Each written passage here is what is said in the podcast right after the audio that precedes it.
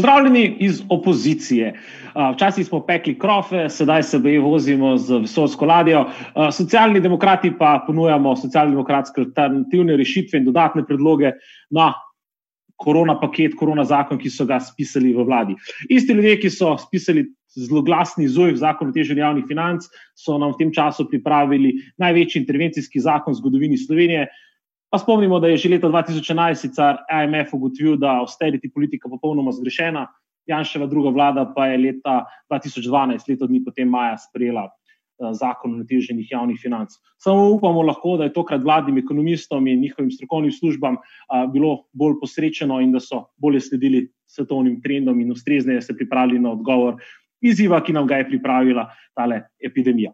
Kot vedno so vsa vprašanja za naše goste dobrodošla. Pišite jih pod komentarje na naš Facebook stream ali pod hashtag opozicija na Twitterju. Dovolite, da najprej med nami pozdravim predsednika socialnih demokratov, tovariša Dejana Židana. Dejan, pozdravljen, vesel sem, da si se nam tudi danes pridružil. Hvala, Jrnej. Epidemija, s katero se soočamo, jo bomo seveda premagali. Zadaj je pa vprašanje, kako je potrebno umno sedaj reagirati, da preprečimo družbeno, gospodarsko in finančno krizo, kakršni smo bili priča leta, dva, leta nazaj, torej leta 2008. Zato se zahvaljujem, da, nami, da ste z nami Matej, Mera, Jan, Aljoša in Dušan.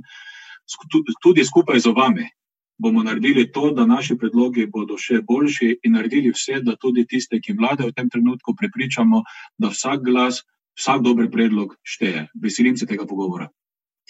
Hvala, predsednik. Predsednik se še nam bo pridružil po samem koncu. Kot rečeno, vladni paket zakonodaje potuje v parlamentu oziroma je že v državnem zboru. Socialni demokrati smo nam odgovorili z alternativnimi rešitvami in kopico dodatnih predlogov, katere vradne predloge je vredno podpreti, kaj socialdemokratskega manjka. S tem se bodo danes z mano pogovarjali, kot je že povedal predsednik Dušan Olaj, direktor podjetja Dol in član vladne strokovne posvetovalne skupine, Matej Klarič, novinarni komentator, Mera Hod, poslanka socialnih demokratov, Janško Brne, član predsedstva socialnih demokratov, ter pa profesor dr. Aljoša Valentiničič iz ekonomske fakultete Univerze v Ljubljani. Uh, Dušan, začel bi s tabo, uh, vsi en tisti, ki ima neposredni pogled na dogajanje z naravni vladne strokovne skupine, tako ene Luhovnikove skupine, povedam, uh, kateri so tisti ključni ukrepi, za katere verjameš, da vendarle morajo biti kar se da hitro uzakonjeni in pa mora biti iz tvoj pogled, kaj je iz tega zakona izpadlo oziroma zmanjkalo, pa bi vendarle bilo smiselno tudi to še vključiti v okviru zakonodajnega poti tega zakona v državnem zboru. Jrnej, hvala, hvala za besedo. Ja, zdaj, če pogledam na vse te dogodke, stališča člana te posvetovalne skupine, potem lahko rečem, ne, da smo bili pred nekim izjemno, izjemno, ne bom rekel, težkim, ampak izzivalnim delom, zelo v relativno kratkem času, par dni, je bilo treba odgovoriti na nekaj hudih dilem, ki so se pojavile zaradi tega koronavirusa, se pravi, in upoštevati, kako reševati socialni položaj ljudi, problematiko SP-jev, samozaposlenih, problem stroškov podjetij, likvidnost podjetij, kako pripraviti državo, podjetja na učinkovito koriščenje EU sredstev, rahljanje fiskalnih pravic. Zdaj, tisto, kar smo potem kot ta skupina, sicer izjemno heterogena, ad hoc zbrana, štiri stvari so bile pomembne za nas. Ena je bila hitrost, enostavnost, obsežnost in natančnost. In pa neka, neka, neka, neka preambula vsega tega, najprej daj, preveril boš potem. Rezultat tega je bil potem list in pol uh, smernic poslanih na vlado, ne, in iz tega je potem včeraj zvečer, oziroma danes zjutraj, prišlo v parlament 77 listov, tako zgleda potem zakon v praksi, ko poskuša udejaniti smernice, smernice te ekspertne skupine. Dej, jaz v bistvu lahko rečem samo dve stvari uh, mojega sodelovanja v tej, v tej ekspertni skupini. To, kar je za me res izjemno pozitivno, je, da si je vlada pustila svetovati od neke pluralne ad hoc skupine. In tu moram reči, da je dr. Lahovnik okoli sebe zbral ekipo, ki je lahko dala tej zadevi širino, dala doprinos, nekateri so dali več, drugi smo dali manj. In to, kar je druga pozitivnost tega, ne, vlada ni samo poslušala, ampak je v tem konkretnem primeru tudi slišala. Ker so tisti predlogi, ki smo jih mi predlagali, praktično skoraj v celoti tudi upoštevani. Zdaj, če grem naprej, jasno pa je, to je bilo že včeraj jasno, oziroma že za cel zadnji teden, ne samo skozi socialno mrežo, tudi za kupico nekih mailov, seveda pa niso bili upoštevani še vedno ne vsi, ne drugače. V tej prvem mega zakonu, v tem prvem paketu se rešuje aktualno stanje, se pravi zaposlenih, samozaposlenih, vseh kategorij, ki ta trenutek predvsem potrebujejo takojšnja sredstva za svoje preživetje. V tem drugem paketu ki bo obravnaval finančni, finančni top, ki se pravi, se bomo ukvarjali z likvidnostjo podjetij. Ukvarjali se bomo s tem, na kakšen način omogočiti, kaj s terjatvami, odkupi terjatov, prodaje terjatov, uh, olajšane garancijske scheme, kreditne scheme in tako naprej. In pa seveda istočasno to, kar je ta trenutek poslano. Eh, v parlament. To ni, nekaj, to ni nekaj, kar je zapečateno. Verjamemo, Eh, tudi jaz osebno verjamem in že vidim, da je kopica pomankljivosti, je kopica luken, ampak te se bodo potem odpravljale sproti. Toliko v bistvu lahko jaz dodam za začetek. Ja. Hvala, Dušan. Uh, komentar na aktualno dogajanje in predloge, ter predvsem probleme, s katerimi se soočajo, nam je posredoval tudi Mark Štemerger iz podjetja Agis Tehnologije DD. Pa predlagam, da še pred nadaljujemo, še njemu prisluhnemo njegov video prispevek. Koronavirus je pandemija, ki je okrnil delovanje celotnega gospodarstva, ne samo v Sloveniji, ne samo v Evropi, temveč po celem svetu. Jasno imamo sedaj pred sabo fenomen, ko ne moremo več biti materijala, ko so zaprte oskrbovalne verige, ko so zaprte meje, ko ne moremo več dobavljati, ne moremo več prejemati nematerialne komponente. Prihaja do fenomena, ko ne moremo več izdelanih, končanih proizvodov, naročenih proizvodov dobaviti, naprimer v Francijo, tudi Italijo, celo v Nemčijo. Države tukaj pristopajo na različen način, da pomagajo svojemu gospodarstvu, ker postalo je očitno dejstvo, da bomo morali vsi po vrsti nekaj narediti za podjetja.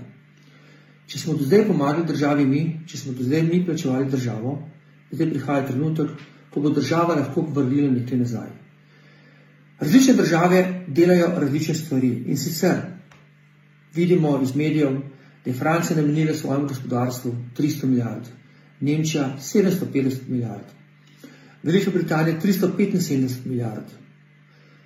ZDA so namenile malemu srednjemu podjetju, mal, sektorju malega in srednjega podjetništva sredstva, ki omogočajo, da ostajajo podjetja likvidna skozi obliko kreditov, za katere trdijo, da če podjetja ne bodo odpuščala, da isti krediti postanejo naenkrat nepovratna sredstva. Ironija je, da naročila so, saj v nekaterih industrijskih podjetjih, za razliko od hotelirjev, storitvenega sektorja in drugih, ki jim je pa likvidnost padla v trenutku na tla, čez noč. Mi morda še nekaj likvidnosti imamo, vendar tudi ta se izredno hitro niža, izredno hitro pada.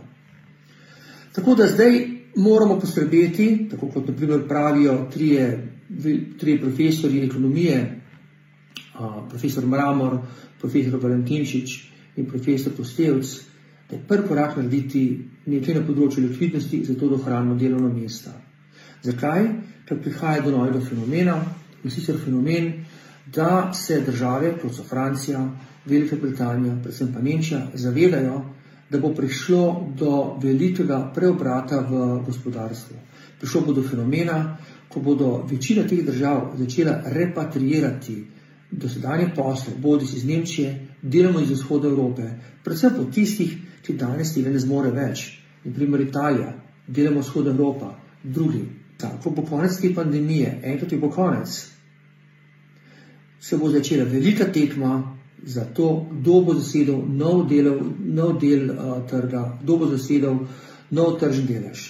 Tako da ima država Slovenija tukaj veliko priložnosti, veliko, veliko moč, da pomaga slovenskemu gospodarstvu in hkrati, da se repozicioniramo na trgu kot drugačna država kot do sedaj. Dobro, slišali smo Dušana, ki je bil v strokovni skupini na vladi, slišali smo neposredno strani Agis tehnologij, DD kot konkreten primer, s čim se danes soočajo gospodarske družbe. Mera, poslanci ste v državni zbor, če se motim, včeraj po noči, v bistvu zvečer, uh, dobili zakon.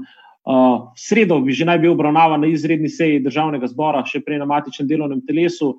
Prejšnji teden smo socialni demokrati posredovali, mislim, da več kot deset strani pripomb, predlogov, dopolnil. Uh, osnovni različici smernic, ki jih je takrat predstavila vlada.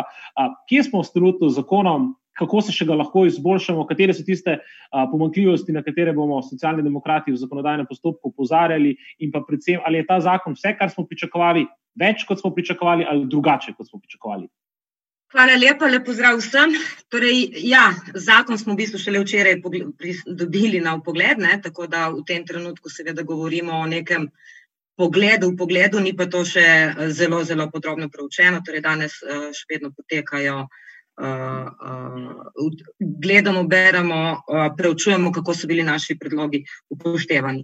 Uh, je logika nekoliko drugačna od tistega prvega paketa. Torej, uh, če se spomniš, v prvem paketu smo se borili za to, da bi se naprimer samostojne podjetnike upoštevalo, kot je bilo potrebno, da se da ne bo dovolj zgolj odlog prispevkov, da je potrebno odpustiti prispevke. In morda bi se že tukaj ustavila pri tem novem, uh, novem zakonodajnem predlogu. Kaj konkretno vidimo mi kot bistveno uh, ključno težavo? Mi v tem trenutku rabimo res močno državno intervencijo. Slišali smo tudi, da, da gospodarstvo to zahteva in želi. In tudi mislim, da zdaj vse različne uh, ekonomske politike to zagovarjajo. Torej, če želimo preprečiti izjemno hude, škodljive posledice po koncu zdravstvene krize, če želimo predprečiti uh, socialno in gospodarsko katastrofo, danes država mora absolutno močno poseči.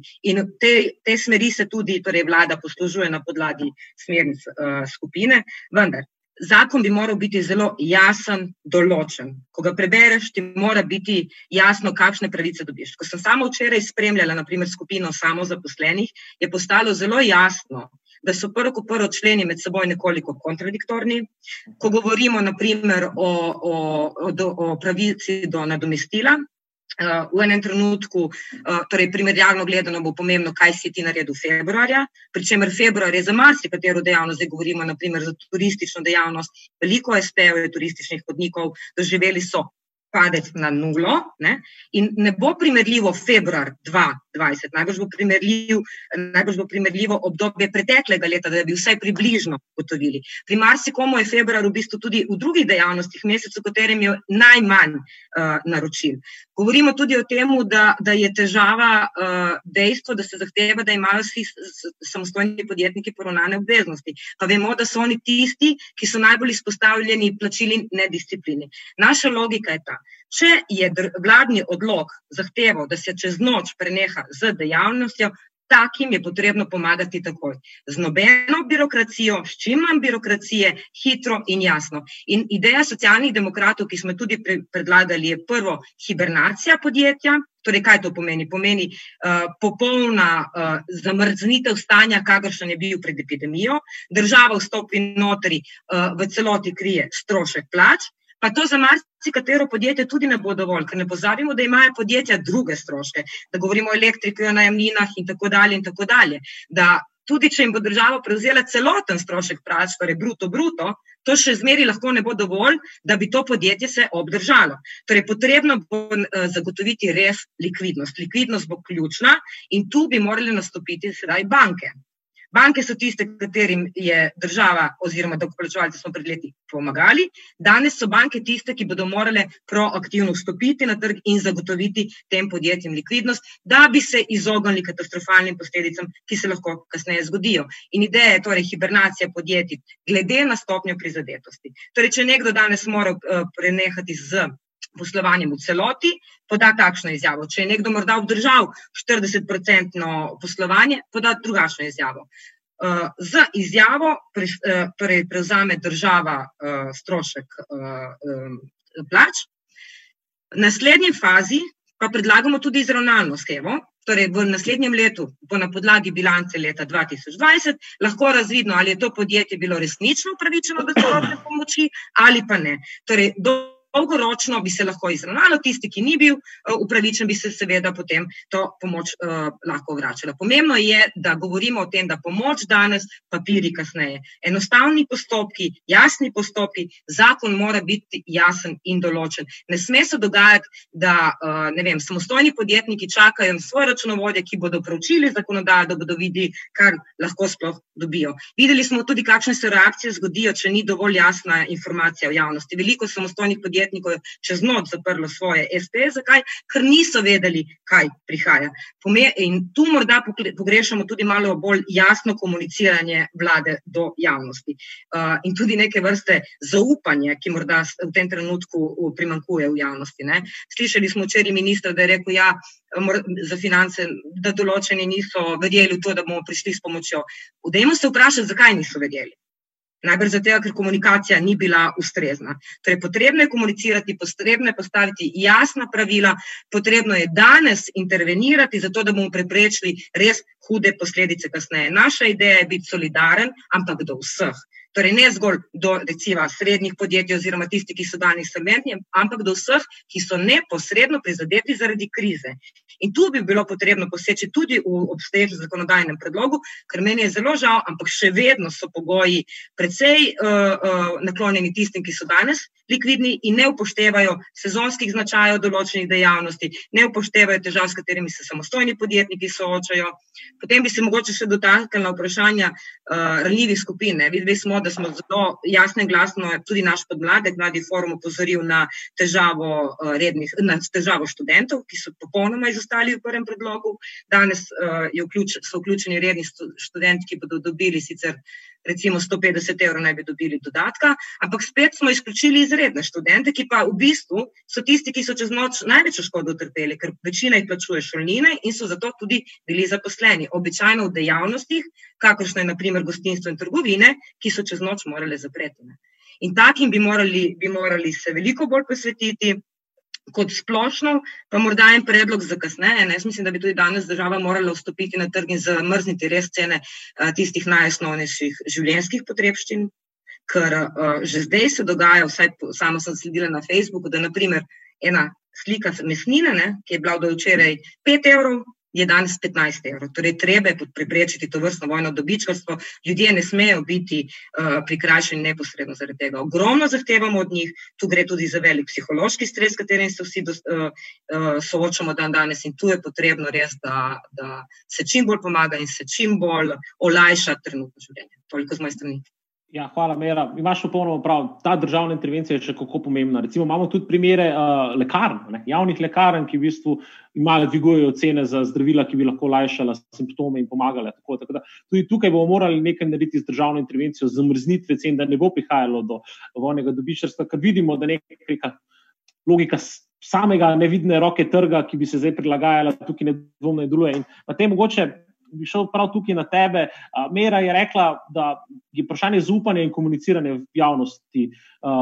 Strani vlade v bistvu zelo sprašljivo. Kako ti, kot novinar, to vidiš, kot, kot novinar na socialnih omrežjih, kako spremljaš proaktivno, dobro namerno komuniciranje vladnih predstavnikov z, z javnostjo? In pa a, mogoče še tole, kako komentiraš v bistvu te ukrepe z vidika tega, da zdaj nekateri gospodarji, reč po temu, člani lahovnikove skupine, ki so včasih veljali za bolj neoliberalne, recimo Janez Šustršič, pa še kdo danes zagovarjajo veliko državno intervencijo. Tukaj bi človek mislil, da imamo z neko šizofrenijo včasih odnos, ampak dobro, ne? očitno smo zdaj vsi, kot je Jože Padame napisal, postali kinezijanci. Uh, kako to ocenjuješ, pa krati, kako ocenjuješ predloge socialnih demokratov, ki malo drugače vidimo uh, to intervencijo, ki jo moramo pa seveda nujno ustvariti na slovenskem gospodarskem in socialnem področju? Uh, najprej, mogoče, kar je za reči, je to, kar si ti tudi podaril, v bistvu, da je zanimivo, da takšne ukrepe sprejemajo ljudje, ki so še nedolgo nazaj, recimo, za nas govorili, da smo komunisti, socialisti, skrajni levičari, ki smo zahtevali višji dvig minimalne plače, više denarne socialne pomoči, više pokojnine, nad pragom tveganja revščine in podobno. Ne. In te ljudje zdaj v bistvu sprejemajo ukrepe, ki so totalno kontradiktorni temu, kar so govorili v opoziciji. Če se smo, samo spomnimo, na ustavnem sodišču je še vedno v bistvu vložena tožba proti Šarčevi vladi zaradi kršenja fiskalnega pravila. Ne. Ta vlada v bistvu zdaj s temi ukrepi, ki jih sprejema, povsem opušča fiskalno pravilo in sprejema čisto neke drugačne ukrepe. Ne. In v bistvu v tem smislu lahko rečemo, tako kot je Assange v pogovoru telefonskem pred kratkim rekel Jansu Vrfakisu, da v bistvu so še kot bonovi predvolilni programske smernice zdaj v bistvu premalo radikalne. Ne. Tudi globalno se dogajajo neke velike spremembe. Ne. In jaz sem v bistvu tudi, ko sem lani pisal za reporter, velikrat opozarjal, da Šarčeva vlada gre preveč v neoliberalno smer. Ne. Spomnimo se davčne reforme, ki je razbremenila najbogatejše. Ne. Spomnimo se, kako so hoteli nekateri ukiniti dodatek za delovno aktivnost za najrevnejše. In zdaj v bistvu z vsemi temi ukrepi vlada, Janšova vlada, prehiteva Šarčevo vlado po levi. Ne. In tu se dogajajo res neki zanimivi premiki in spremembe. Kar se pa tiče teh samih protikriznih ukrepov, bi pa jaz v bistvu razdelil na dva dela. En je ta ekonomsko-socialni del, in drugi je pa ta politično-represivni, ki pa za razliko od prvega gre v neko smer, ki nas lahko skrbi, ker te ukrepi več niso sorazmerni s tem, kar bi, po mojem mnenju, Slovenija v tem trenutku potrebovala. Um, če se v bistvu še malo osredotočimo na te socialno-ekonomsko področje, ker sicer vlada je šla v pravo smer in mislim, da je res se tudi na nek način trudila, da je prisluhnila nekemu širšemu krogu ljudi, je pa še vedno tu veliko pomanjkljivosti in tudi nelogičnosti. Ne. Uh, recimo, zelo velika bo, po mojem, birokratska zmeda, ko se bo moglo za nazaj vse ugotavljati, če so bili ti vsi ljudje upravičeni do teh nadomestil in vsega, kar so v bistvu zdaj zahtevali in kar bojo tudi v bistvu avtomatično dobili. Ne. In v tem smislu se mi zdi pomislek, ki je prej izrekla Mera, se mi zdi, da so na mestu. Prisotne so tudi take nelogičnosti, recimo čisto v tem socialnem smislu. Ne. Upokojenci z manj kot 500 evrov bodo zdaj dobili 300 evrov dodatka, študenti, ki pa sploh nimajo teh 500 evrov, bodo dobili pa samo 150 evrov, pa še to ne vsi, ampak samo redni študenti, kot smo slišali. Uh, da ne govorimo potem naprej recimo, o prejemnikih socialne pomoči in varstvenega dodatka, ki bodo prav tako dobili samo 150 evrov, čeprav nekateri od njih dobijo manj kot 400 evrov. Ker so glede na upokojence, ki dobijo isti znesek, spet v izgubi za 150 evrov. To so stvari, ki meni v bistvu niso logične. Ne. S tem, da včeraj sem imel v bistvu primer, ko se mi je javila ena oseba, ki ni niti prejemnica socialne pomoči, niti varstvenega dodatka, in v bistvu ne bo nič dobila, zato ker ona pa izpade iz vseh teh ukrepov, čeprav v bistvu nima nobenih stroškov za, za preživetje. Ne. In v tem smislu se mi zdi, da so te vladne ukrepe v bistvu premalo dorečeni in da bi bilo veliko boljše razmišljati o nekem temeljnem dodatku za vse ljudi. Torej, da bi se postavili neko mejo, prak, ki, ki bi pripadal vsem ljudem, ne? ali bi to recimo nad pragom revščine, ali kako drugače urejen, to je pač stvar debate. Ne. Ampak to bi gotovo v dani situaciji zelo pripomoglo. Ne. Ker vidimo, recimo v Italiji, včeraj so bila poročila in tudi uh, policija zdaj dejansko že stoji pred uh, trgovskimi centri, zato ker so ljudje, ki nimajo prihodkov in hodijo v trgovino in hočejo seveda iz trgovine vzeti stvari, da bodo lahko sploh preživeli. To so recimo stvari, ki se v Italiji že dogajajo. Ne. Tako da v tem smislu mislim, da bi vlada mogla malo več razmišljati. Uh, vidi se pa tudi, kako so te represivno-politični ukrepi preveč rigorozni v bistvu. Ne? In vse bolj jasno postaja, da vlada to izkorišča za to, da bo izvajala neke izredne razmere. Včeraj so že poslali iz katedrale Svobode eh, neko pismo, kjer najavljajo, da bi mogoče mogli celo razmišljati o izrednih razmerah. Izredne razmere v dani situaciji, ko smo v bistvu do zdaj, hvala Bogu, zelo uspešno zamejili eksponentno rast širjenja koronavirusa, mislim, da niso potrebne. Ne. In kako so v bistvu nesmiselni ti rigorozni ukrepi, pa v bistvu že pove to, da, da jih da zdaj nam omejuje združevanje glede na občino in podobno. Ne. Nič pa niso rekli o delavcih v tovarnah, ne, kjer se na malem prostoru lahko gmetejo številni delavci in delavke. Ne. In ali je res potrebno, da nekateri delajo zdaj, ki po naravi dela sploh ne bi, ne bi nujno rabili delati. Zdaj, to so recimo moji pomisleki, ki se mi pojavljajo v teh predlogih. Ja, hvala, Matej. Zelo na mestu sploh to kombinacijo nekih socialno-ekonomskih ter pa bolj represivnih uh, ukrepov, ki se najdejo v enem zakonu. Uh, s tem bomo z Janom nadaljevala. Bi pa še pred nadaljujemo pogledali prispevek Borta Boršnika iz Zavoda Mladi podjetnik, ki je prav tako nam prispeval svoje razmisleke glede na aktualno situacijo, sploh s pogleda mladih, samozaposlenih, freelancerjev, startupov, kako se bodo oni soočili z izzivom, ki je trenutno pred nami. Moj komentar na trenutno gospodarsko situacijo, kar se tiče najbolj ogroženih, gotovo so to SP-ovci, freelanceri, tisti, ki so delali mogoče za tujino ali pa za večja podjetja in trenutno zaradi po eni strani gospodarske blokade, pa tudi negotovosti. Um, nekateri so izpadli čez noč, praktično 100% izpad. Seveda so tukaj tudi gostinci, hoteliri, frizeri, um, pač različni poklici, uh, ki so jih tudi zakonsko prepovedali oziroma upravljanje njihove dejavnosti. Tako da to mislim, da je na prvi bojni liniji, da so to tisti, ki potrebujejo najhitrejše določene ukrepe, bodi si odpis prispevkov, bodi si um, UTD, no, o čemer smo tudi govorili v zadnjih dneh. Um, Rekl bi tudi, kar se tiče druge skupine, bodo podjetja, ki se jim je tudi ne samo mogoče nečisto ustavo, ampak zmanjšal obseg, obseg dela zaradi pač uh, zaustavitve naročil. Um, za ta podjetja mislim, da je pomembno, da se ugodnosti, ki jih bodo dobile, da se mogoče razmisli tudi o tem, da se jih ne veže na to, da bodo vem, morala podjetja čez šest mesecev obdržati te zaposlene, za katere bodo dobili določene subvencije. Namreč žal smo. Kot, kot Slovenija smo pač delamo na globalnem trgu in tukaj enostavno je težko predvideti iz strani delodajalca, kaj se bo dogajalo čez še šest mesecev ali pa mogoče čez eno leto. Tako da neka fleksibilnost, mislim, da tukaj um, je vseeno zaželena. V nasprotnem, mislim, da delodajalci teh ukrepov ne bodo sprejemali oziroma ne bodo uporabili v tej meri, ampak bodo šli v večji meri na, na odpuščanja. Tako da, kar se, um, kar se tiče podjetij, ki uh, že trenutno uh, aktivno delajo, mislim, da najboljš, kar jim lahko naredimo v prvi vrsti, je, da se jim pomaga, kar se tiče zaščitne opreme, maske, rokavice, mogoče tudi sami ukrepi za razkoževanje poslovnih, proizvodnih in ostalih prostorov. Um, to, je, to je pač, mislim, da ena stvar, ki jo bo treba čim prej sprejeti, oziroma pomagati tudi, uh, tudi, uh, tudi temu delu. Um, kar se tiče ugodnosti, mislim, da je akontacija, zamrznitev akontacije dohodnine, da je pač pravilen ukrep. Tako da, če bo šlo zadevo v tej smeri, je to, mislim, da, da zelo dobrodošlo. Pa tudi, um, žal, še vedno v Sloveniji, vedno govorimo o, o tem, da so stroški dela relativno visoki. Mislim, da v tem času, če bo šla, če bo šli ukrepi v smer odpisa um, določenih prispevkov ali uh, spis ali ZS ali, ali oboje, um, mislim, da bo to tudi eden izmed uh, pravilnih ukrepov. Zdaj, kar se tiče dolgoročno, mogoče od vseh teh ukrepih se seveda eh, tudi vprašamo, ne, kako bomo lahko dolgoročno to um, reševali, tudi krizo v smislu um, kreditov. Se pravi, mislim, da bi v tem uh, momentu lahko na pomoč prišle tudi banke, oziroma vsaj te velike države, ki smo jih tudi v preteklosti uh, reševali in so zdaj kapitalsko dovolj močne, da bi lahko tudi uh, prevzele svoj del bremena. Se pravi, mislim, da jim, da jim je itak v interesu dolgoročno, da pač ohranijo, um, oziroma da dobijo ta sredstva, ta posojila, ki so jih dala nazaj. To bojo pa pač lahko naredili z začasnim, pa upam, da čim prejšnjim moratorijem odplačila, odplačevanja.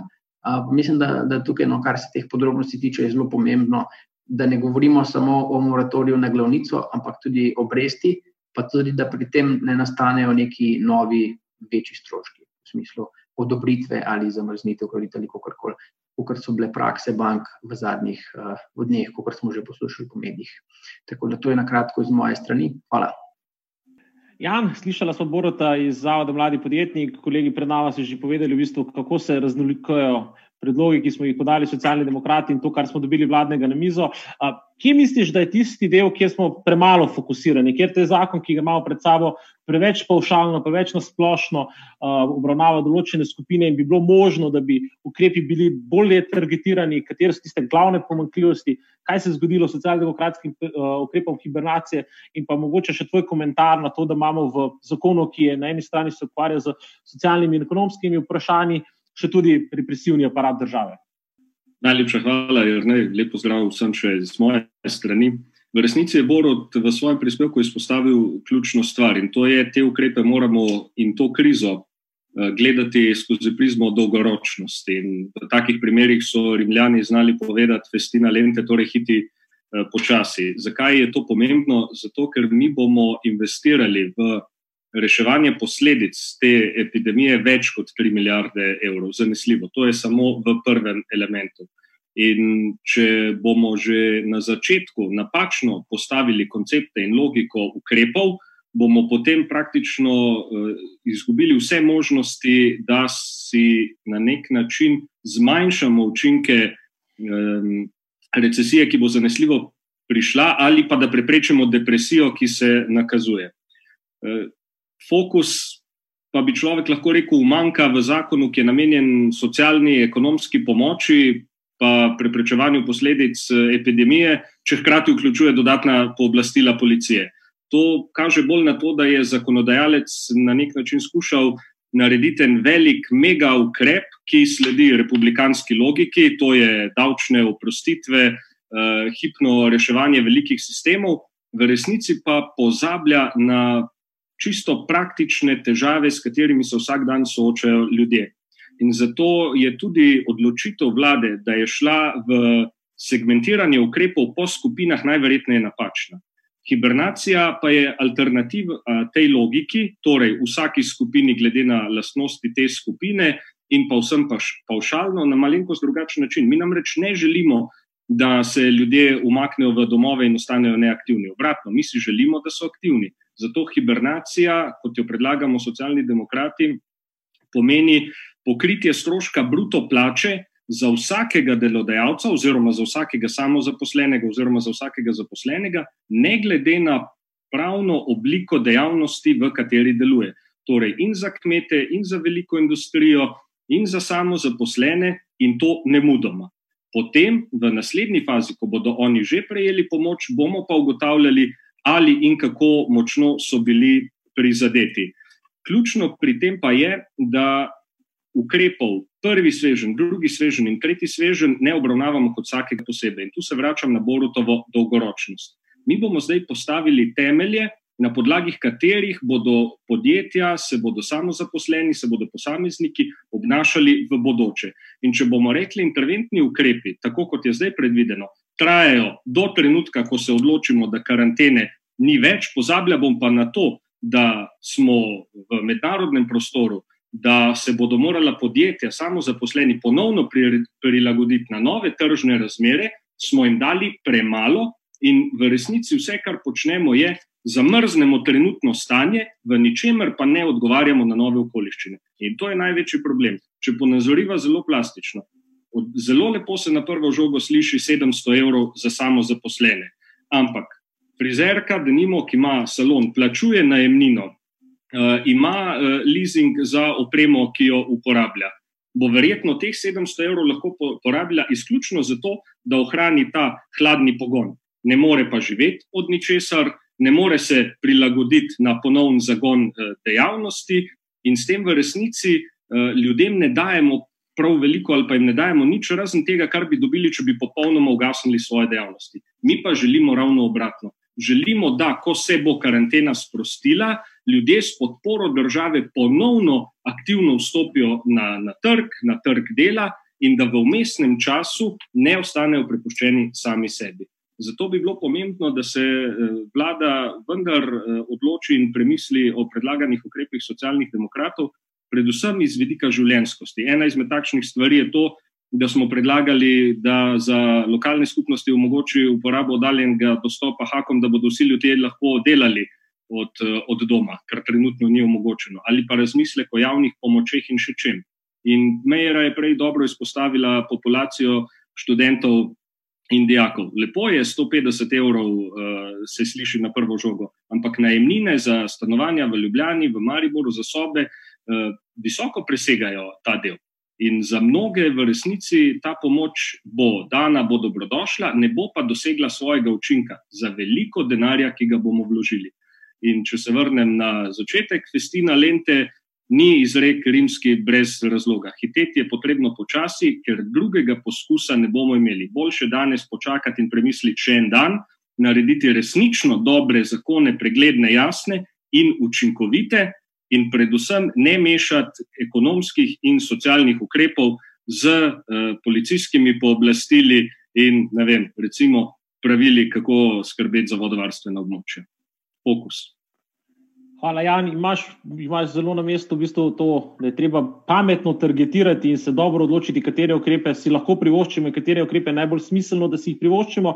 Uh, Prav recimo na generacijo mladih, kot si upozoril, so upozorili tudi naši tovariši v Mladem forumu socialnih demokratov, kjer so prav tako na vlado uh, namenili nekaj predlogov, kako je bolje oziroma pametneje lahko poskrbeti za to, tudi zelo ranljivo skupino. Pa predlagam, da si kar pogledamo prispevek uh, Strimance iz Mladega foruma. V Mladem forumu socialnih demokratov se zavedamo, da so se zaradi posledic pandemije koronavirusa v težkem socialnem položaju znašli dijaki in študenti. Zato predlagamo, da se študentom za mesec marec in april izplača denarno nadomestilo v višini 50 evrov, ker trenutno ne morejo dostopati do subvencionirane študentske prehrane. Prav tako predlagamo, da se študentom, ki zaradi trenutnih razmer ne morejo upravljati študentskega dela, izplača 60% poprečnega mesečnega dohodka, ki so ga prejeli v zadnjih šestih mesecih. Študentsko delo namreč predstavlja vir za kritje stroškov študija, hkrati pa de facto predstavlja tudi socialni korektiv, ker mnogi študenti s pomočjo tega zaslužka pomagajo pri plačevanju položnic svoje družine. Predlagamo, da se za čas trajanja ukrepov študentom ne zaračunava najmnina za bivanje v študentskih domovih, ki so jih morali zapustiti. Ker bodo posledice pandemije segale tudi v obdobje, Po ukinitvi teh ukrepov predlagamo, da se študentom in dejakom omogoči brezplačen javni potniški promet do konca meseca julija, ter da se študentom, ki so v zaključni fazi študija, omogoči brezplačno upravljanje izpitov in zagovarjanje zaključnih del. Za konec vse mlade in ostale prebivalce Republike Slovenije pozivamo naj ostanejo doma. Hkrati pa izražamo spoštovanje in zahvalo vsem tistim, ki trenutno bijajo bitko v prvi bojni vrsti. To je bila manjka iz mladega foruma, ki je prav tako izpostavila določene pomankljivosti, ki jih imajo zadnji vladni predlogi na a, študentsko populacijo. A, profesor Valentinčič, danes smo slišali ogromno komentarjev na vladni proti, kriz, proti korona paket, 3 milijarde težkih zakon, ki je včeraj a, ga videla javnost, državni zbor bi ga naj že sprejemal v sredo. A, 3 milijarde je veliko denarja. Kdo bi rekel, da je take zadeve treba spremljati z desočo roko? Tovariš Kubrne je rekel, da je potrebno hiteti počasi. Ali hitimo prehitro, ali se nam lahko zgodi, da pri tem kakšna skupina ne samo da izpade, ampak da preveč denarja plasiramo v napačno smer, ker, koliko te razumem v tvojih analizah, ki ste delali na ekonomski fakulteti, zna ta zadeva biti relativno draga na srednji rok. 3 milijarde, pozvanje, vsi 3 milijarde je dvomno veliko denarja zato je seveda treba preudarno ravnati z njim. Ampak uh, je pa tudi ključno, da se stvari naredijo hitro. Uh, tako kot je Duša na začetku rekel, to, da se ukrepa hitro, je pomembno. Pomembno je pa z mojega vidika zato, ker je. Zmanjšuje tveganja, ki se potem prenašajo po celem gospodarstvu. In če se nekatera tveganja zdaj ustavi pravočasno, recimo s tem, da se določene ukrepe sprejme, potem bo to na dolgi rok znalo biti koristno. Zdaj, uh, globalni problem, ki ga jaz vidim pri vseh, je pa, je pa ta, da mi moramo imeti v mislih, da ta denar zdaj razdeliti relativno lahki del naloge. Težji del naloge pride potem kasneje, ko bo uh, koronavirus pustil v torej, krizo, ne za nami. Uh, Videli smo, da so napovedani paci BDP-ja od 6% naprej, ampak 6% je že zelo velika cifra. Uh, tako da kar lahko storimo, da smo mi pripravljeni naprej, je, je v redu. Uh, zdaj, ko sem poslušal vse te diskusije, najprej nekaj takih podrobnosti bi rad upozoril. Torej, uh, Matej je prej omenil, da imamo 150 enim, 700 drugim in tako naprej, ampak kaj potem v drugem valu pride? Noben ne nasprotuje temu, da bi imeli ljudje više plače, više pokojnine. Uh, torej študenti bistveno boljši status, kot ga imajo. Temu noben ne nasprotuje. Sam a, kaže pa to, da smo kot država v bistvu v preteklosti bistveno premalo naredili na teh področjih. A, če grem k šolstvu, ki smo imeli zdaj zadnji prispevek. Ne, a, mene kot univerzitetnega profesora blazno boli, da slišim izjave, da morajo študenti delati za to, da lahko se prebijo čez študij. Študenti bi v principu morali študirati, imeti svobodo, razvijati svoj intelekt, svoje potencijale, zato da jih lahko kasneje potem v družbi dejanjajo. To, da jih more biti, kot sem slišal, 40% eh, v, v službah, zato da lahko sploh preživijo, je, je pravzaprav za me žalostno stanje. Zelo podobno žalostno stanje je, da imajo upokojenci tako nizke pokojnine, kot jih imajo. Ampak to so posledice stvari, ki so se vlekle zadnjih 20 ali 30 let. Potem ena stvar, še, ki je padla v oči, Veliko diskusij je bilo tudi med, med nami, ne glede o uh, zakonodaji. Mi imamo 20 tisoč zakonskih predpisov, zato je tako težko se prebiti čez vso tole maso. Mi bi morali zmanjšati število zakonov in zakone bistveno poenostaviti. Nekateri so enostavno predolgi. To sem tudi že večkrat uh, omenil in tudi večkrat že o tem pisal. Uh, tako da Zato je deloma objektivno težko v enem šusu pripraviti predlog zakona, ki bi pokril vse te zakonske rešitve za, za koronavirus. Potem so neki detajli, ki se mi zdijo pomembni, da jih je fajn omeniti. Ta ukrep, da imajo vsi dostop do interneta, je ključen.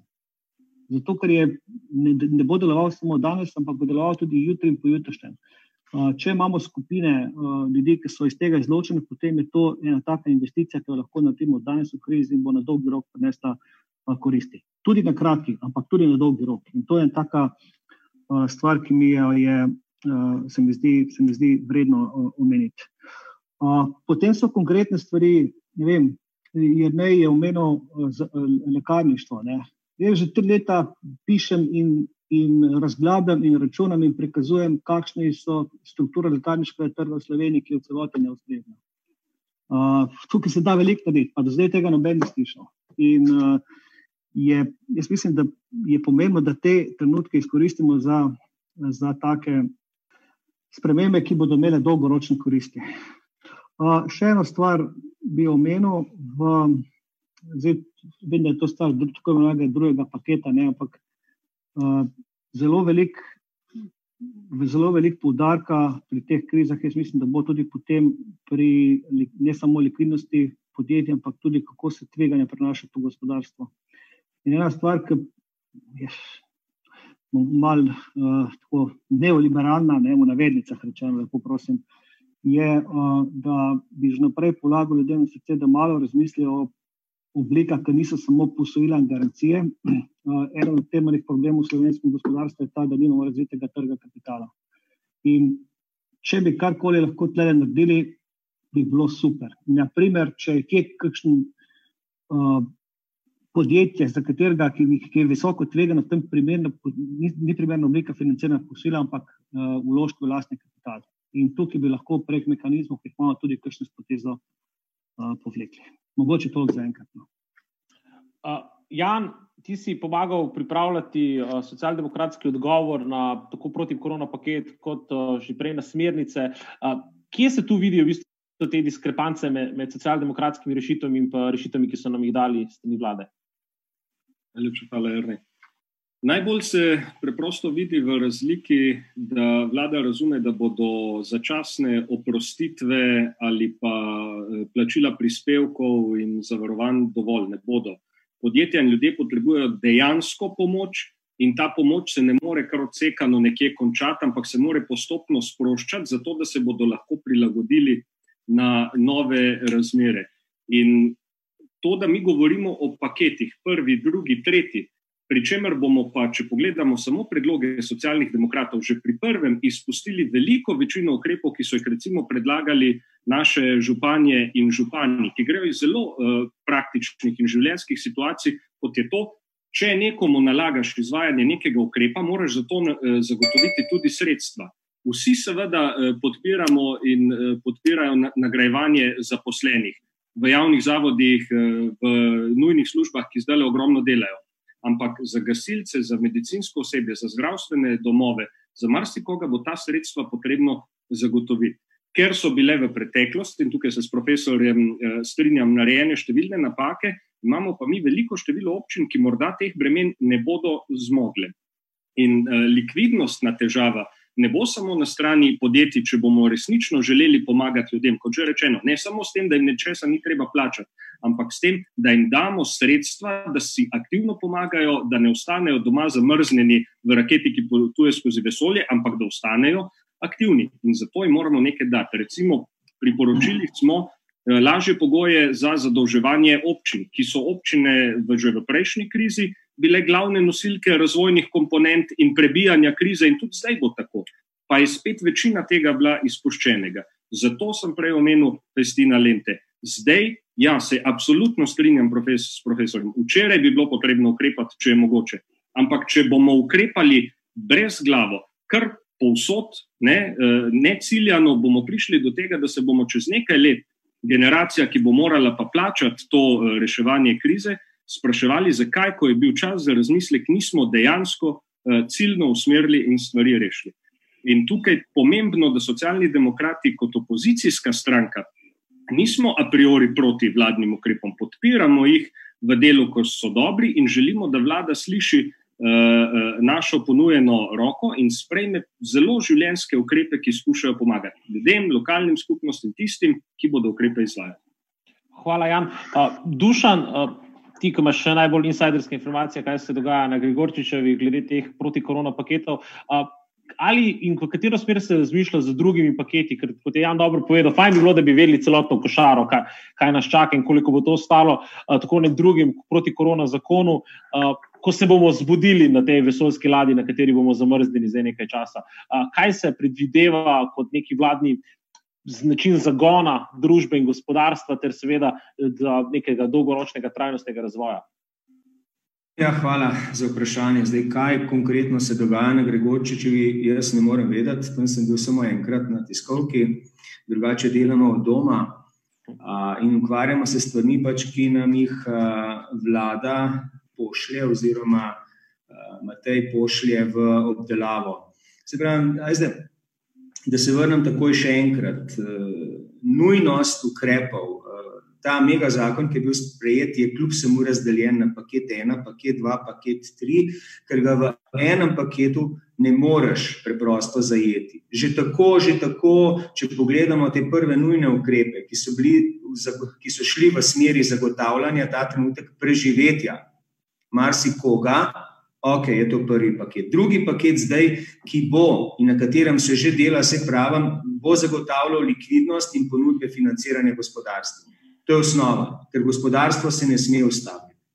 Istočasno se bojo korigirali uh, vse napake iz prvega paketa, ker tudi v tem paketu ni idealno. Jaz moram še enkrat uskočiti in reči, da ko so se sprejemale smernice, so bili, so bili na mizi ne samo in zgolj, uh, kako so se teh ukrepov reševali neke sosedne države ali pa neke druge ekonomije, druga gospodarstva, Danska, Francija, Nemčija, Avstrija in tako naprej. Na mizi, na mizi so bili ukrepi oziroma predlogi gospodarske zbornice, kluba slovenskih podjetnikov, ogromno nekih inicijativnih skupin, ki so sodelovali v končni fazi, tudi sugestije marsikatere politične stranke že. V kakšni meri so bile zajete, to potem na koncu ni bila stvar strokovne komisije, ampak je to že stvar politike in vlade, ki o tem odloča. Tukaj moramo striktno ločiti.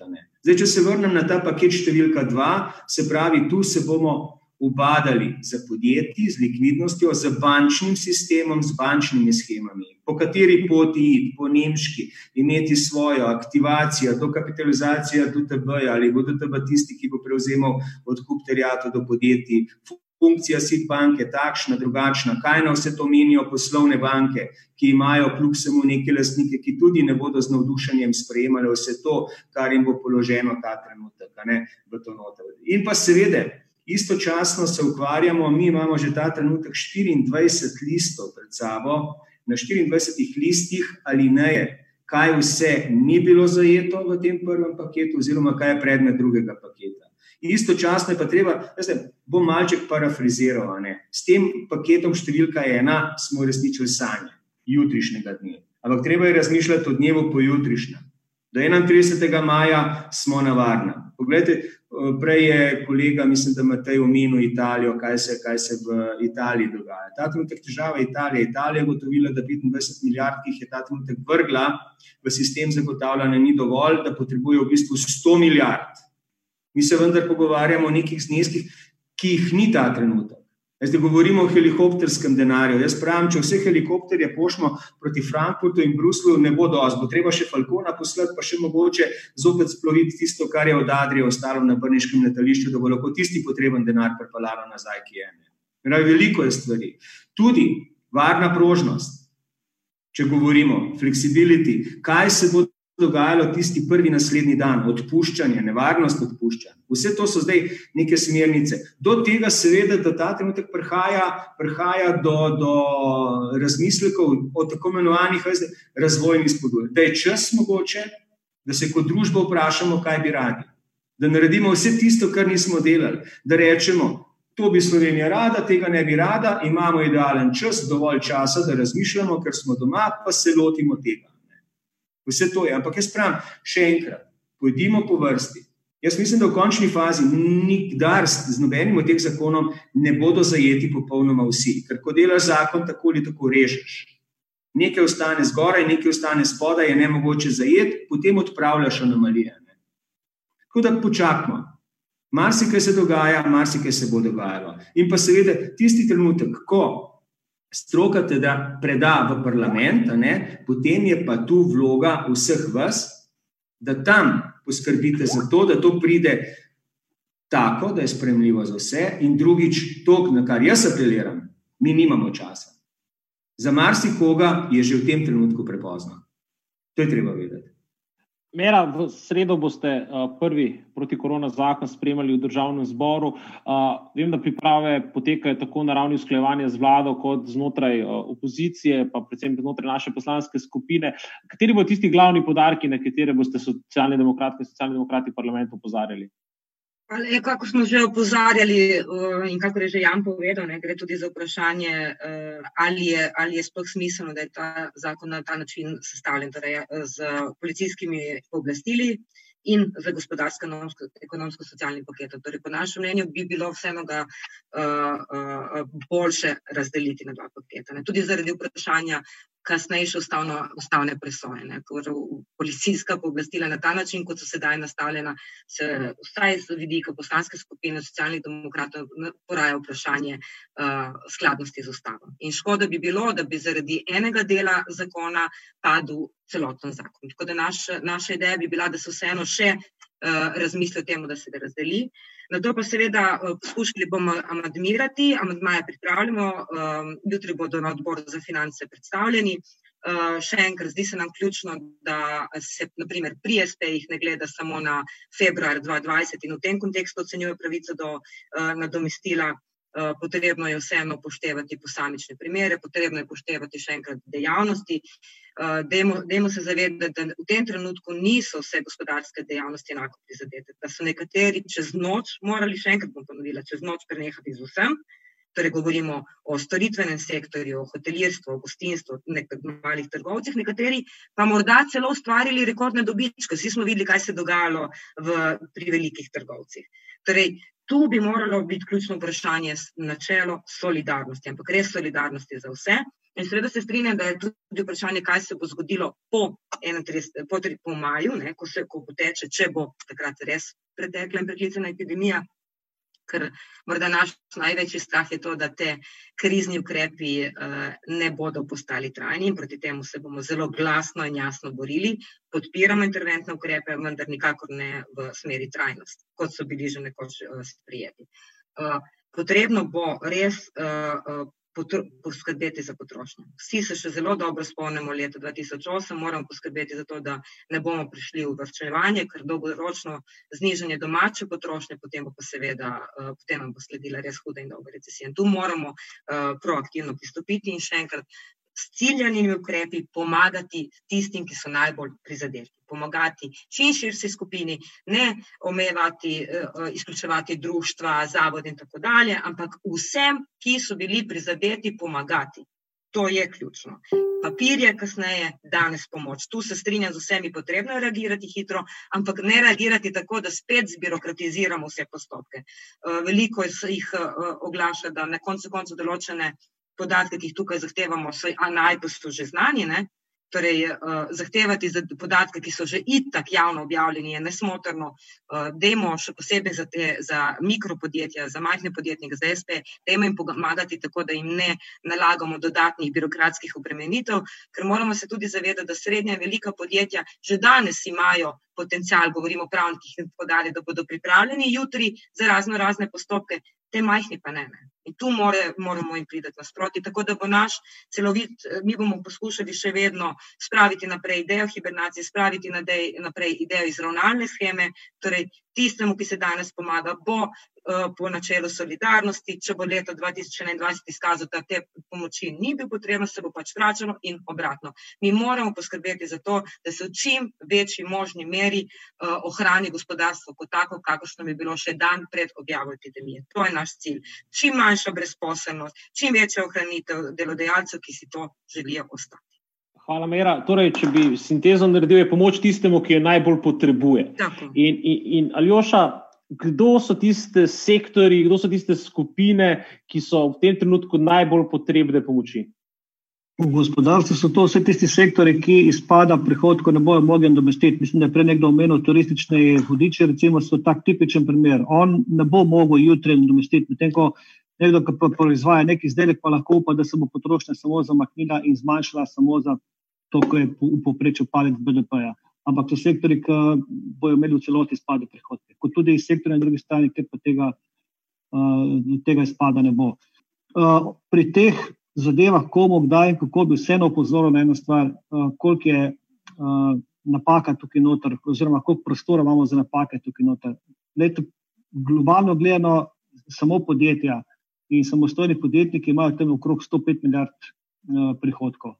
To se pravi, tukaj je uh, tako približno ne, en procent, je ena milijarda. Pri teh kriterijih vseeno je, je, je potrebno biti uh, razumen in, in, uh, in pozoren na to, kaj se vse lahko zgodi v, v prihodnje. Ne gre samo za mehaniko. Okay. Uh, Matej, uh, dovolj mi ti še poveš svoje mnenje. Ali vidiš, da se bi znala ta kriza tudi izkoristiti pod narekovaji za neko družbeno transformacijo v neko drugo smer? Se pravi, da ne bomo čez nekaj časa se spraševali, kako drago nas je tale interventni zakon uh, stal, z tem, da bomo čez nekaj časa govorili o nekem drugem zujfu. Recimo. Ja, zelo zanimivo je v bistvu že, kako se je retorika začela spremenjati v krizi. Kar naenkrat, recimo v Franciji, Macron, ki je bil veliki zagovornik neoliberalnih reform, govori o nacionalizaciji. Njegov finančni minister je začel govoriti, da če bo potrebno in ko bo potrebno, bojo šli v nacionalizacijo vseh podjetij. Ne. To so že v bistvu naredili pri proizvodni zaščitnih mask. Ne. Regulirali so tudi cene in podobno. In na neki točki se to zdaj že dogaja. Ne. In mi tudi vidimo zdaj vsi na globalni ravni, kakšen je pomen javnega zdravstva. Zdaj, brez dobrega, kvalitetnega javnega zdravstva te krize ne moremo reševati. To se zelo dobro vidi, recimo v Italiji, kjer jim je število postelj v zadnjih desetletjih padalo iz več kot 10 na tisoč prebivalcev na zdaj približno 3. Ne. In oni imajo premalo in zdravniške opreme, in postelj, in, in, in zdravniškega oseba, ki se ga tudi v zadnjih desetletjih. Seveda, zmanjševali s to logiko, da je bilo treba zmanjševati stroške v javnem sektorju in odpuščati ljudi, in čim manj zaposlovati. In tu mislim, da bi mogli priti do nekega preloma in nekega drugačnega pogleda. Zdaj, videli bomo tudi v Ameriki, že vidimo, v bistvu, kaj se vse dogaja zato ker imajo dobičkonosno zasebno zdravstvo. In v tem smislu mislim, da moramo tudi na agendo dati te razmisleke in po krizi zahtevati bolj kvalitetno javno zdravstvo, tudi pri nas, ki bi bilo veliko bolj odporno na to, kar se nam danes dogaja. Ne. Ampak mislim, da se to samo od sebe ne bo zgodilo, mogli bomo to zahtevati, ker če teh zahtev ne bomo postavili, se bo verjetno po krizi začel spet delovati tako, kot se ponovadi delovalo. Bi pa mogoče še to upozoril, da se tudi glede zadolževanja in vseh ostalih zadev, se zdaj zadeve zelo spremenjajo. Damjan, Jože, pa Damjan na svojem blogu že pisal o tem, kako v bistvu Evropska centralna banka zdaj rahlja vsa ta pravila glede zadolževanja. Ne. Recimo države so se do zdaj mogle, zato ker so te finančni tokovi bili tako močni, da so v bistvu zahtevali, da se države zadolžujejo prek v bistvu privatnih trgov, ne, zasebnih trgov, ne, finančnih. Zdaj se pa v bistvu to spremenja, da se bodo države lahko neposredno zadolževale, kar pomeni, da bodo te visoke obrestne mere v smislu, ki so jih prej finančni trgi lahko zahtevali za neke konkretne reforme, v bistvu začelo puščati. Ne. In tu se mi zdi tudi zelo dobro, da je v bistvu naša vlada pod Janšo zdaj na strani tistih, ki zahtevajo, da se te rigorozne ukrepe, kot so bili tudi pri nas, ki smo jih bili deležni v zadnjem desetletju, da se jih začne opuščati. Ne. In se v bistvu naša vlada zoprstavlja in nizozemski vladi in nemški vladi. Tu, tu bo zelo zanimivo videti, kaj se bo na evropski ravni dogajalo. Ja, sej, v bistvu ugotavljamo, da mora vlada vendarle dati neko jasno sporočilo, da je treba pomagati vsem, ker če tega jamstva ne bo, uh, ne bo mogoče preprečiti brezposobnost in pač v neko negativno spiralo, ki bi na koncu nas lahko stalo celo več kot neko močnejše ukrepanje. Sedaj, seveda, morajo pa ti ukrepi biti še kako premišljeni. Svojim sogovornici in sogovornikom bi se iskreno zahvalil za sodelovanje v današnjem spletnem pogovoru. Preden zaključimo, bi pa še za kratek komentar povedanega prosil predsednika socialnih demokratov, tovariša Dejana Židana. Dejan. Ne, hvala. hvala tudi vsem petim, da ste bili danes z nami. Glede, v tem času, ko je potekal ta spletni pogovor, je eh, država preko svojega ministra za zdravje objavila, da je bilo včeraj 26 novih evidentiranih okužb. Sveda število bolnikov v bolnišnicah se povečuje, to je bilo za pričakovati, ampak iz teh številk kaže, da trenutni ukrepi, če se jih bomo držali tako, kakor smo si do sedaj tudi naprej, dejansko učinkujejo in bodo po neki svoji krivulji verjetno omogočili, da epidemijo premagamo. To govorim zato, ker v resnici, ko se danes pogovarjamo, se že pogovarjamo, kako v času po torej kako preprečiti, da se kot družba, gospodarstvo ne razkrojimo. In to, Matej, kar ste vi povedali, tudi ali sedaj čas, da pridemo na rekovaji do nekoliko bolj normalne družbe, ki je usmerjena k ljudem. Ne pa k tistim, ki imajo denar, ki imajo moč, ampak k ljudem.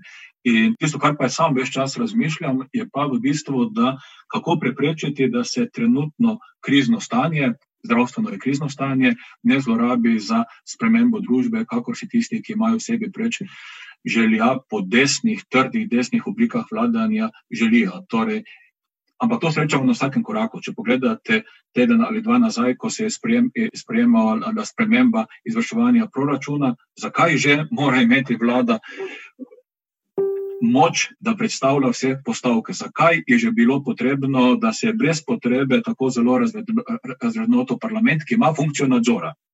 Potem druga stvar, vidite, da tudi naša stranka, kako jo pretepajo nekateri skrajni mediji, veš čas, zakaj takoj ne dovolimo, da se aktivira neki 37. člen. Pa ne povedo, da bi lahko imeli že v tem trenutku bistveno več vojske na konkretni meji. Pa ne povedo, da sramotno nizko nagradijo v tem trenutku rezervne policiste, ki dobijo samo 4 evre na uro in če bi dobili 10 ali 20, bi bil čist drugačen odziv.